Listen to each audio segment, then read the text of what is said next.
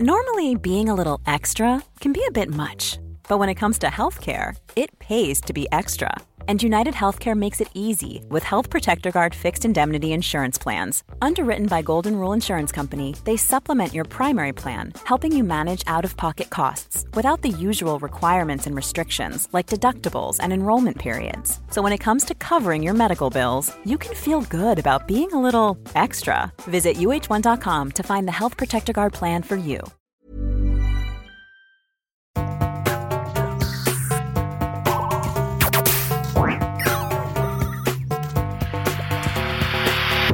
Jeg heter Sondre Risholm Livrød.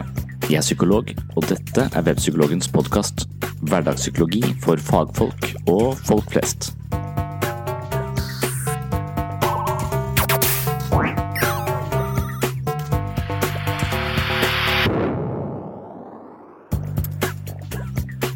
Hei og velkommen til episode 22 av Webpsykologens podkast.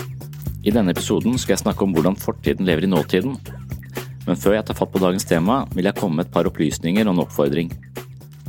Målet med Webpsykologen er å spre kunnskap om psykisk helse og menneskets mulighet for vekst og utvikling til så mange som mulig. Foreløpig er Webpsykologen til stede på nett med artikler og videoforedrag, og jeg forsøker å gjøre om en del av mine foredrag og tekster til en podkast for å nå deg som liker den nye versjonen av radioformatet. Jeg tilstreber å gjøre Webpsykologen så fri for reklame som mulig, og jeg vil nødig bruke de første minuttene av hver podkast til å reklamere, hvor jeg for eksempel forsøker å overbevise deg om at du bør kjøpe et nytt kjøleskap. Jeg vil rett og slett ikke reklamere for kjøleskap i denne podkasten, men jeg tillater meg å reklamere for mine egne bøker. Nå har jeg gitt ut to bøker, den første heter Selvfølelsens psykologi, og den andre heter Jeg, meg selv og selvbildet. Begge bøkene er skrevet for både fagfolk og folk flest. Mitt mål er å presentere veldokumenterte psykologiske teorier på en måte som gjør dem forståelige og anvendelige i hverdagen. Målgruppen for Webpsykologens bøker er sannsynligvis de som hører på denne podkasten. Ved å kjøpe bøkene fra webpsykologen.no vil en del av beløpet gå direkte til støtte for denne podkasten og det generelle prosjektet Webpsykologen har med å stimulere refleksjon rundt menneskets indre liv og psykologiske disposisjoner. Da lar vi reklamen ligge, og håper at du kjøper bøkene og ikke et nytt kjøleskap som følge av det jeg nå har sagt. Dagens tema peker helt tilbake til Sigmund Freud. I denne episoden skal jeg begynne med å referere fra en artikkel jeg har skrevet eh, om dette temaet. Deretter skal du få være med inn på Universitetet i Agder, hvor jeg holdt et foredrag om hvordan vi påvirkes av fortiden. Kanskje blir foredraget en dels repetisjon av mine innledende poeng, men i andre del får du en litt mer eh, muntlig og friere fremstilling av tematikken. Sigmund Freud regnes som psykoanalysens far. I moderne psykologi har man modifisert mange av hans ideer om menneskets syke, men likevel er Freud blant de som har hatt mest innflytelse på menneskets forståelse av sitt psykiske liv. I denne innledningen skal vi kort se på noen av grunnantagelsene i psykoanalytisk tenkning.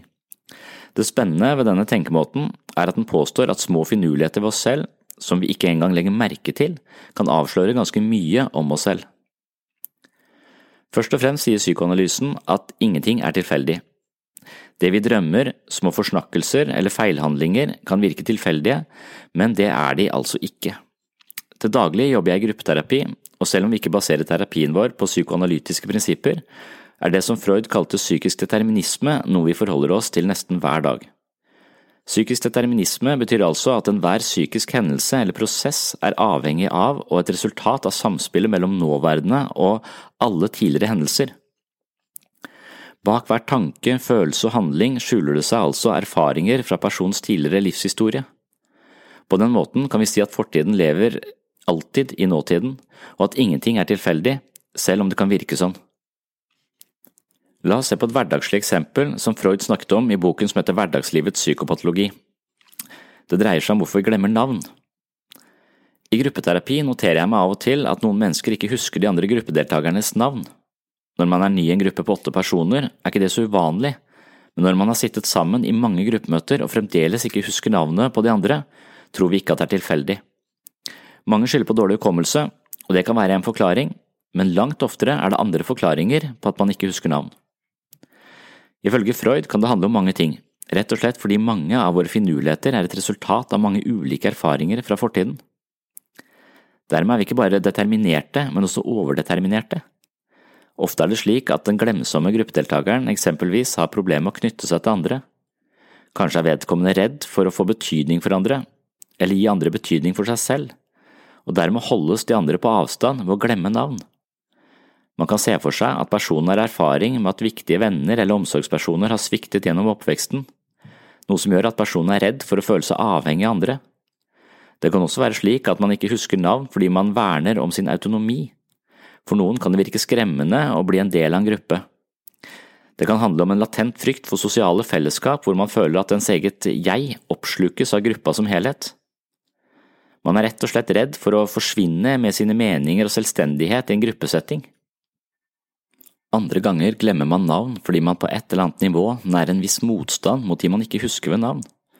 Kanskje føler man seg truet, oversett eller generelt skeptisk, og ved ikke huske navnet på personen får vedkommende symbolsk sett mindre betydning.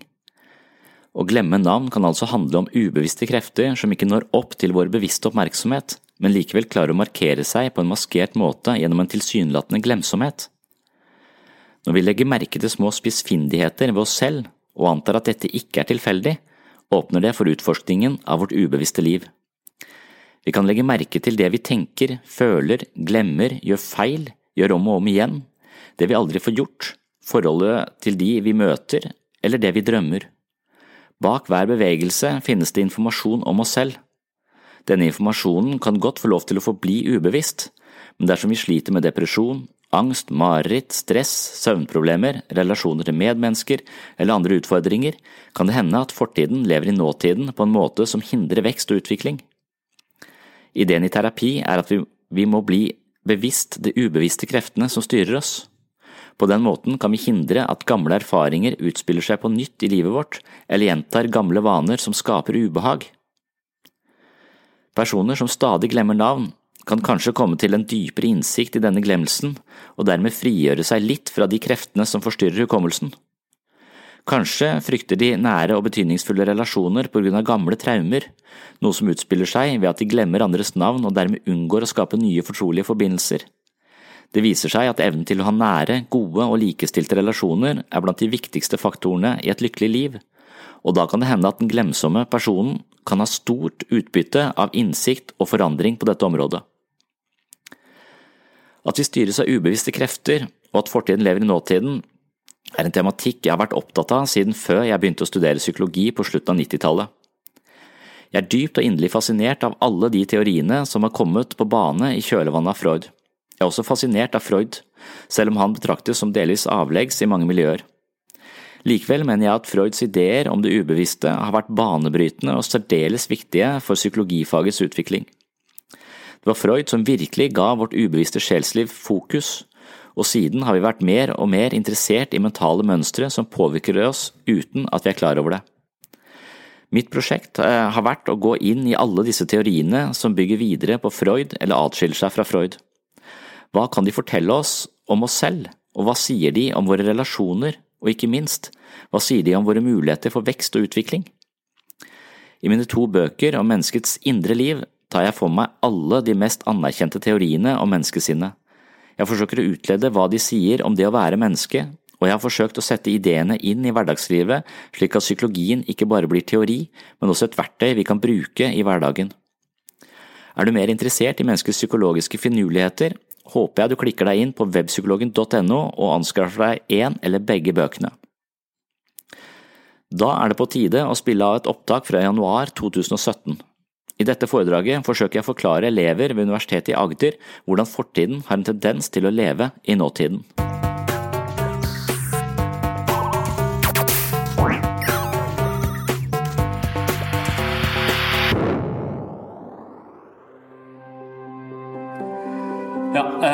Fairbairns eh, teori vi skal huske fra Fairbairn er dette med for et barn så er det bedre eh, å være en eh, djevel i en verden styrt av Gud enn en engel i helvete. Samtidig så eh, sier Fairbairn mye om eh, mønster i kjærlighetsbånd. Og han sier mye om hvordan vi gjentar tidligere relasjonsmønstre i livet her og nå. Og det har vi allerede vært eh, inne på. Så, så disse Eh, teoriene etter Freud er hele tiden opptatt av hvordan måter å omgås og bli speilet av andre personer på, vil danne oss som mennesker. Vi skaper spesielle eh, måter å se seg selv på, måter å forstå relasjoner på. Og eh, så er det også sånn at de, det vi lærer på et tidlig tidspunkt her da, vil vi ofte gjenskape i voksenlivet vårt. Så Fairbairn, egentlig så bryter han med Freud her på et veldig sånn sentralt punkt. Det Freud sier mye om, er at dette libido, dette iddet, det er hele tiden ute etter behovstilfredsstillelse. Og vi er motivert av primært av behovstilfredsstillelse. Og så ser han på verden og sier at folk er ikke ute etter behovstilfredsstillelse eller få det bra. Det jeg ser, er at folk hele tiden skader seg sjøl. De gjentar eh, relasjoner, og de setter seg selv i situasjoner hvor de blir dårlig behandla gang på gang på gang på gang. Det er ingenting som tyder på at disse folka her er ute etter å få det bedre og bedre. Det ser snarere tvert imot. Eh, så istedenfor da å være motivert av behovstilfredsstillelse, så, så tenker han at vet du hva, vi er skrudd sammen i relasjon til andre, og disse relasjonene kommer vi til å gjenta. Og dessverre, skjebnens ironi er at de skadeligste relasjonene vi hadde når vi vokste opp, har vi ofte en sterk tendens til å gjenta i voksenlivet, eh, voksenlivet vårt. Eh, så Dermed så dementerer han denne driftsteorien litt og legger den på hylla. Det er det de, de, fleste teoretikere etter Freud har gjort. Det der med eh, disse impulsene og seksualiteten og sånn, det er en drivkraft i mennesket, men spiller langt ifra så stor rolle som det Freud påsto. Eh, der er man i hvert fall nå, eh, vil jeg tro. Så, eh, for å, for, å, illustrere dette, så snakker jeg ofte om den forførende pasienten. Eh, igjen ingen personer som det er mulig å gjenkjenne, men en slags eh, sammenblanding av mange mennesker jeg har møtt. Og denne, eh, denne dama, den forførende pasienten, hun kommer inn på eh, kontoret mitt og eh, oppfører seg flørtende, sånn jeg opplever det. Det er som om hun ja, jeg kan bare beskrive det som flørtende. Jeg får en opplevelse av at jeg istedenfor å være på en psykiatrisk poliklinikk, er, sitter i en bar på byen Eh, og har denne samtalen med dette, dette mennesket. Eh, hun virker interessert eh, på en annen måte. De har jeg ikke opplevd da, på byen. Jeg har bare opplevd at folk ikke er interessert. Så, sånn sett så er det ikke noe godt, godt eksempel. Jeg syns jeg kjempa for det der i årevis uten å få, få folks interesse. Av det motsatte kjønn spesielt. Da. Men her er det en sånn flørtende måte å være på. Eh, og det legger jeg merke til. ikke sant? Delene i detaljene, små finurligheter i relasjonen, kan avsløre en større dybde. Og så forteller hun litt om eh, seg selv. Jeg ble jo godt kjent med denne eh, dama etter hvert. Og, og jeg ser at hun, hun denne, denne skjermen, denne forførende delen av henne, er noe som har vært en trøblete for henne i mange forskjellige situasjoner. Og Den siste situasjonen hun var i, som hun på sett og vis rømte fra, fra et eller annet sted langt oppe i landet, hvor hun ble eh, en del av en slags sekt, ganske spesiell sekt, eh, som hadde en hel haug av strenge koder eh, og regler på ting. Og her hun var alene. Hun kommer inn i denne sekten, menigheten eller hva de, hva de kalte det. Og også her sant, så oppdager jo folk at hun der er på en litt sånn flørtende måte. Men i denne sekten så hadde de en helt klar forståelse av hva det dreide seg om. For hun var nemlig besatt av Jesabel, som er en forførerisk demon. Uh, og det er jo en interessant uh, teori som medfører at de da iverksetter djevel, eller demonutdrivelse. Og Det foregår på den måten at du må stå på et alter, hele menigheten ser på, det er vibrerende stemning, og hun må stå og putte fingeren i halsen og spy ut gang på gang på gang helt til hun spyr grønt. For det er det grønne, altså galle, som, eh, som er denne, hvor denne demonen har sitt tilholdssted. Altså hvis vi kan spy det ut, så vil hun renses. Det er én forklaring. Eh, eh, på, dette her. Eh, og det man kan forestille seg skjedd i denne menigheten, er at kanskje kvinner har følt seg truet av henne. Det er det som ofte skjer i relasjonene hennes. At hun kommer godt overens med, med menn, men hun kommer veldig dårlig overens med konene deres. og, det handler vel om at de hele tiden fornemmer denne måten å være på. og dette handler da om mønster i kjærlighetsbånd. Og når jeg møter henne, så hører jeg den forferdelige historien fra denne eh, sekten. Eh, men så eh, får jeg også på en måte historien hennes, og det handler om seksuelle overgrep fra nærmeste familie. Og da er det noe med at barn blir mennesker i møte med andres tilbakemeldinger. altså den måten hun har blitt sett på, den måten hun har fått oppmerksomhet fra sine viktigste eh, omsorgspersoner, eller en av de, det var eh, via eh, seksuell aktivitet på et tidspunkt hvor det er helt forkastelig, men likevel var den måten hun fikk verdi på. Eh, så hun ble sett på kropp. Hun ble veldig lite sett på, eh, på seg selv som det som foregår på innsiden, eller som, som, menneske. Så hun kjenner at mye av hennes verdi handler om kropp. Det hun har å tilby andre mennesker, er kropp.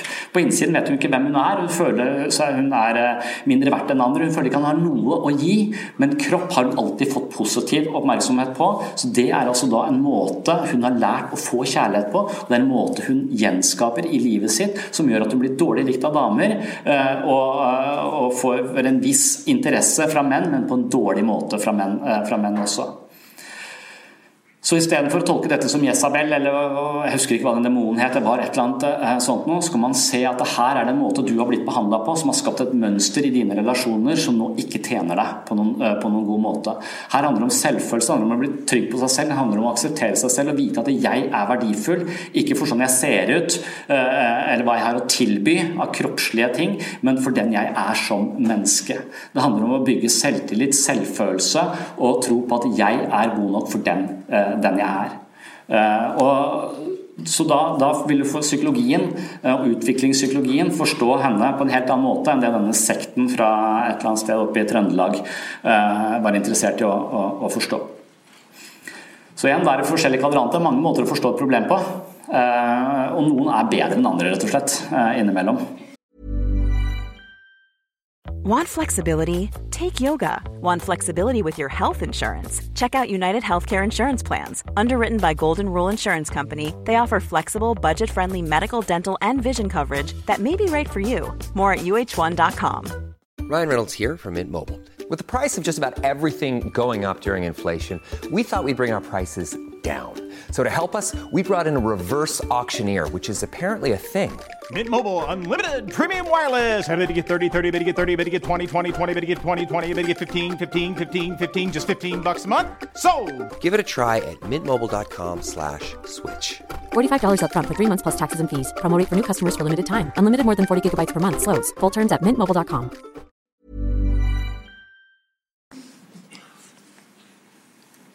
Mm. Kvinnen som blir slått, det kunne være mannen som blir slått, men det er mye vanligere at kvinner blir slått. Eh, menn har ofte ti ganger så mye testosteron, og det er eh, ti ganger så stor sannsynlighet for at de reagerer med aggresjon. Eh, så så det, ja, det er ikke særlig politisk korrekt å si, men det er forskjell eh, på, menn og, på, menn og, kvinner. Eh, likestillingsfanatikere vil ha det til at vi er helt eh, like. Jeg tror ikke nødvendigvis på det. Jeg tenker at min hjerne er langt mer utdatert enn kvinnehjernen, eh, på sett, og vis. Jeg har mye lettere for å bli sint, og det å så på en måte så tenker jeg alltid at Mannens hjerne er tilpasset en tid hvor du møtte en mammut, og det var viktig å angripe eller stikke av med en eller annen stokk. Eh, så vi reagerer med fight-flight eh, for å overleve. Eh, kvinnen, sånn evolusjonsmessig sett, har ikke fysiske fordeler, så det er ikke lurt for kvinnen å angripe eller å stikke av, for sannsynligvis så blir det blitt tatt igjen i møte med en mann, i hvert fall, eller banka opp av en mann. Så det å enten gå til angrep eller stikke av er ikke nødvendigvis noen god overlevelsesrespons. Da. Så det kvinner har gjort, istedenfor å utvikle de der gå til angrep eller stikke av-mekanismene, er at de har lært seg å samarbeide isteden. Så hjernen deres, noen sier at den er mer sånn horisontalt orientert. Den er mer opptatt av relasjoner, skape relasjoner og forstå hverandre. Og ha mer empati, så de lager nettverk og de, de samhandler mot fienden istedenfor å angripe eller stikke av. Og da kan man spørre seg, Er det kommunikasjon og det å samarbeide vi trenger i vår tid, eller er det å klubbe folk ned? Hva er mest tilpasningsdyktig i et sivilisert samfunn? Det sier vel seg selv. Eh, noen kan jo tenke at dette er litt på kanten, men det Og, og, men poenget er også at vi, vi, tilpasser oss nok, og vi utvikler oss. Og man ser også at mannehjernen vil Testosteronnivået i mannehjernen vil reduseres når de bor sammen med en kvinne. Så da blir de mer tilpasningsdyktige. Og selvfølgelig så er det store individuelle forskjeller innad i kjønn. Og dette masse, mange forbehold her sånn. Eh, men eh, det er derfor jeg har kvinnen som blir slått. Da. Kvinnen som blir slått er vanligere i min erfaring enn menn eh, som blir slått av partneren selv. Og da, Når vi snakker om Fairbairn og relasjoner eller mønster i kjærlighetsbånd, så er det ikke så vanlig at det er kvinner som lever i et forhold hvor de blir trakassert eller slått, ikke kommer i terapi før de kommer ut av det forholdet og gjerne da funnet en person som ikke slår. Eh, og Det er da problemene oppstår. og Det er, det, er det denne, eh, disse eh, teoriene sier noe sentralt om. altså Måten vi har lært å kjenne oss selv på, altså i denne posisjonen hvor vi blir slått, det er det vi er vant til. Da kjenner vi oss selv. Når vi får et slag, så kan vi planlegge fremover. Jeg vet hvem jeg er når du slår meg. Men hvis du elsker meg og ikke slår meg, så jeg, blir jeg mer usikker. Hvem er jeg nå? Og det er når vi da kommer inn i en sånn situasjon hvor folk begynner å behandle oss annerledes enn vi er vant til, hvor vi ikke inngår i disse vanlige dynamikkene at vi blir usikre og føler at vi mister oss selv. Hvem er jeg? Eh, hvem er jeg nå? Eh, så da, eh, da er det ofte at når jeg møter eh, type denne kvinnen som da kommer, har kommet inn i et nytt forhold, så vil jeg ofte si at det er den nye mannen jeg har møtt, han, han, virker, han er kjedelig, det er ikke noe kjemi, det er dårlig, jeg vet det er, eh, Så de vil på en måte finne feil ved denne nye, eh, nye relasjonen. Eh, og av og til så vil de også oppføre seg på en litt sånn lumpen måte, som om de prøver å fremprovosere slaget. For hvis du slår meg, så er ting i, eh, i balanse. Eh, og det kan man kanskje se på. Altså, hvis du ser på Kanskje det vil eh, gi en slags gjenklang litt gjenklang i min egen skolegang. Jeg husker, jeg husker de jentene som jeg var mest eh, opptatt av å få oppmerksomhet fra. hadde det nok ikke så greit hjemme alltid, og de var ofte sammen med de tøffeste bøllene. og syntes at jeg var en tøffelhelt. Eh, og, litt kjip og veik da, i forhold til disse tøffingene, så jeg ikke klarte å konkurrere, eh, konkurrere mot. Men hvis du da har, eh, opplever hjemme å ikke få, eller bli ja, få lite eh, omsorg og trygghet hjemme, eh, og er vant til den omgangsformen, så er det veldig lett å gjenta den også eh, i voksenlivet. Da veit du, da vet du hvem, du, hvem du er. Eh, så, så, kvinnen som blir slått, mister rett og slett seg selv hvis hun plutselig eh, blir eh, møtt på en helt annen måte. Og Det er det som Fairbairn kaller et mønster i kjærlighetsbånd. Den teorien jeg har tenkt å snakke om på slutten, da, som ikke rekker, men, men, men, dere kan se det på, på Webpsykologen f.eks., en hjemmeside her. Så, så, kan dere gå inn, Der kan man teste seg selv på disse mønstrene. Dette personlighetstest nederst. Det ligger i siden på sida. Eh, og Da kan man lese noen sånne spørsmål, kan man se hvor man kjenner seg selv igjen. For her er det liksom generelt snakk om mønster i kjærlighetsbånd, mens nyere teorier har ofte eh, gjort dette mer konkret og hverdagslig, og så har de nyansert det, så det er mange forskjellige typer mønster vi typisk gjentar. Eh, så, så Young og Klosko for eksempel, er to teoretikere som eh, har en teori som heter eh, De driver med det som heter skjematerapi, men de har også en teori om negative, grunnleggende leveregler. Og Det er egentlig mønster i relasjoner som vi gjentar, som vi har fra vi vokste opp, og som vi gjentar i voksen, voksenlivet. Og Ideen er rett og slett at når jeg ser meg selv i speilet om morgenen, så ser jeg jo mitt, mitt eget ansikt. Eh, hver eneste morgen. Jeg har egentlig ikke tid til å se meg i speilet, men, eh, men hvis jeg hadde hatt det, så hadde jeg sannsynligvis sett det samme trøtte trynet. Eh, hvis jeg da hadde kommet hjem på kvelden og så ser meg i speilet nå i ettermiddag og jeg har fått helskjegg, så hadde det skremt meg. Da tenkte jeg at det er en eller annen atomreaktor på universitetet som har sprekt eller et eller annet. For jeg har ikke så mye skjeggvekst at jeg ville utvikle helskjegg i løpet av en dag. Så det speilbildet ville skremme meg. Eh, ganske ettertrykkelig. Eh, på en måte. Jeg trenger å se meg selv litt likt på morgenen og på ettermiddagen. Eh, men så, og sånn, Dette speilet er en metafor på vårt ytre, mens andre menneskers øyne er ofte et speil for vårt indre. liv. Så på sett og vis så speiler vi vår egen psykologiske makeup i andre mennesker. Og da liker vi også å ha en viss kontinuitet i hvordan vi blir speila. Eh, og Det er det som er eh, ideen her. Så hvis du er, er vant til å bli speila på en måte som eh, mindreverdig og, og, ikke fortjener andres kjærlighet og blir tråkka på, så er det ofte en måte å se seg selv på som du ubevisst søker å, å, å gjenskape i nye relasjoner, og dermed finner folk som behandler deg dårlig. Eh, så det er på en måte skjebnens ironi. fordi idet du blir behandla dårlig, så er det som om dette speilet viser deg hvem du er, og da kan du på en måte ha en viss base, en viss forståelse at dette er meg, og jeg kan planlegge fremover. Hvis denne kvinnen som blir slått, plutselig møter en mann som nekter å, å, å, slå henne, så vil det vakle. Hvem er jeg nå? Hvordan skal jeg forstå meg selv? Hvordan skal jeg kunne planlegge noe som helst? Nå er alt uforutsigbart. Jeg klarer ikke å håndtere dette. Eh, og så begynner man også å oppføre seg på en måte som prøver å fremprovosere slaget hos den andre, så ting er i balanse. Uh, og Det er her selvutvikling kommer inn, eller uh, psykoterapi kommer inn. Det å forstå disse mønstrene, løfte de opp og se de, det er første skritt på veien til å endre de.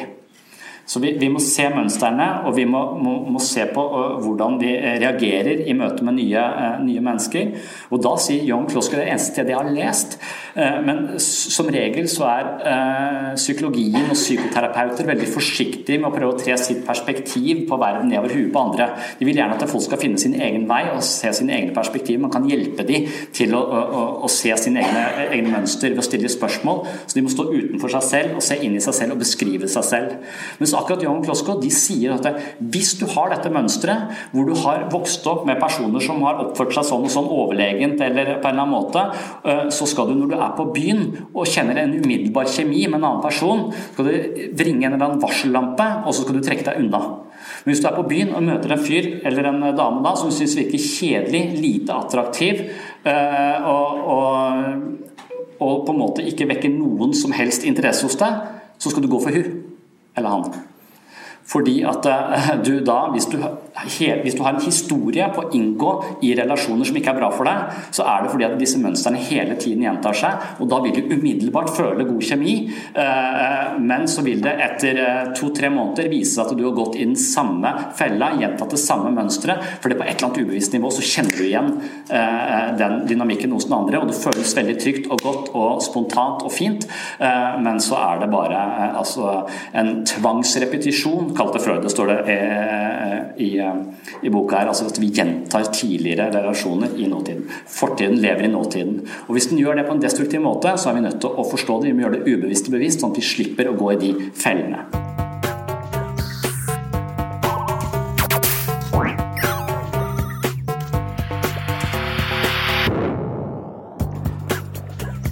Takk for at du hørte på Webpsykologens podkast. Hvis du likte denne podkasten, så hadde jeg satt veldig pris på om du tok deg tid til å gi dine anbefalinger i iTunes. For deg som synes at denne tematikken er interessant, håper jeg også at du følger med i neste episode, og jeg håper selvfølgelig også at du anskaffer deg mine bøker om psykologi og selvutvikling, som du altså får kjøpt på webpsykologen.no. Da fikk jeg visst sagt det enda en gang. Ok, på gjenhør i neste episode.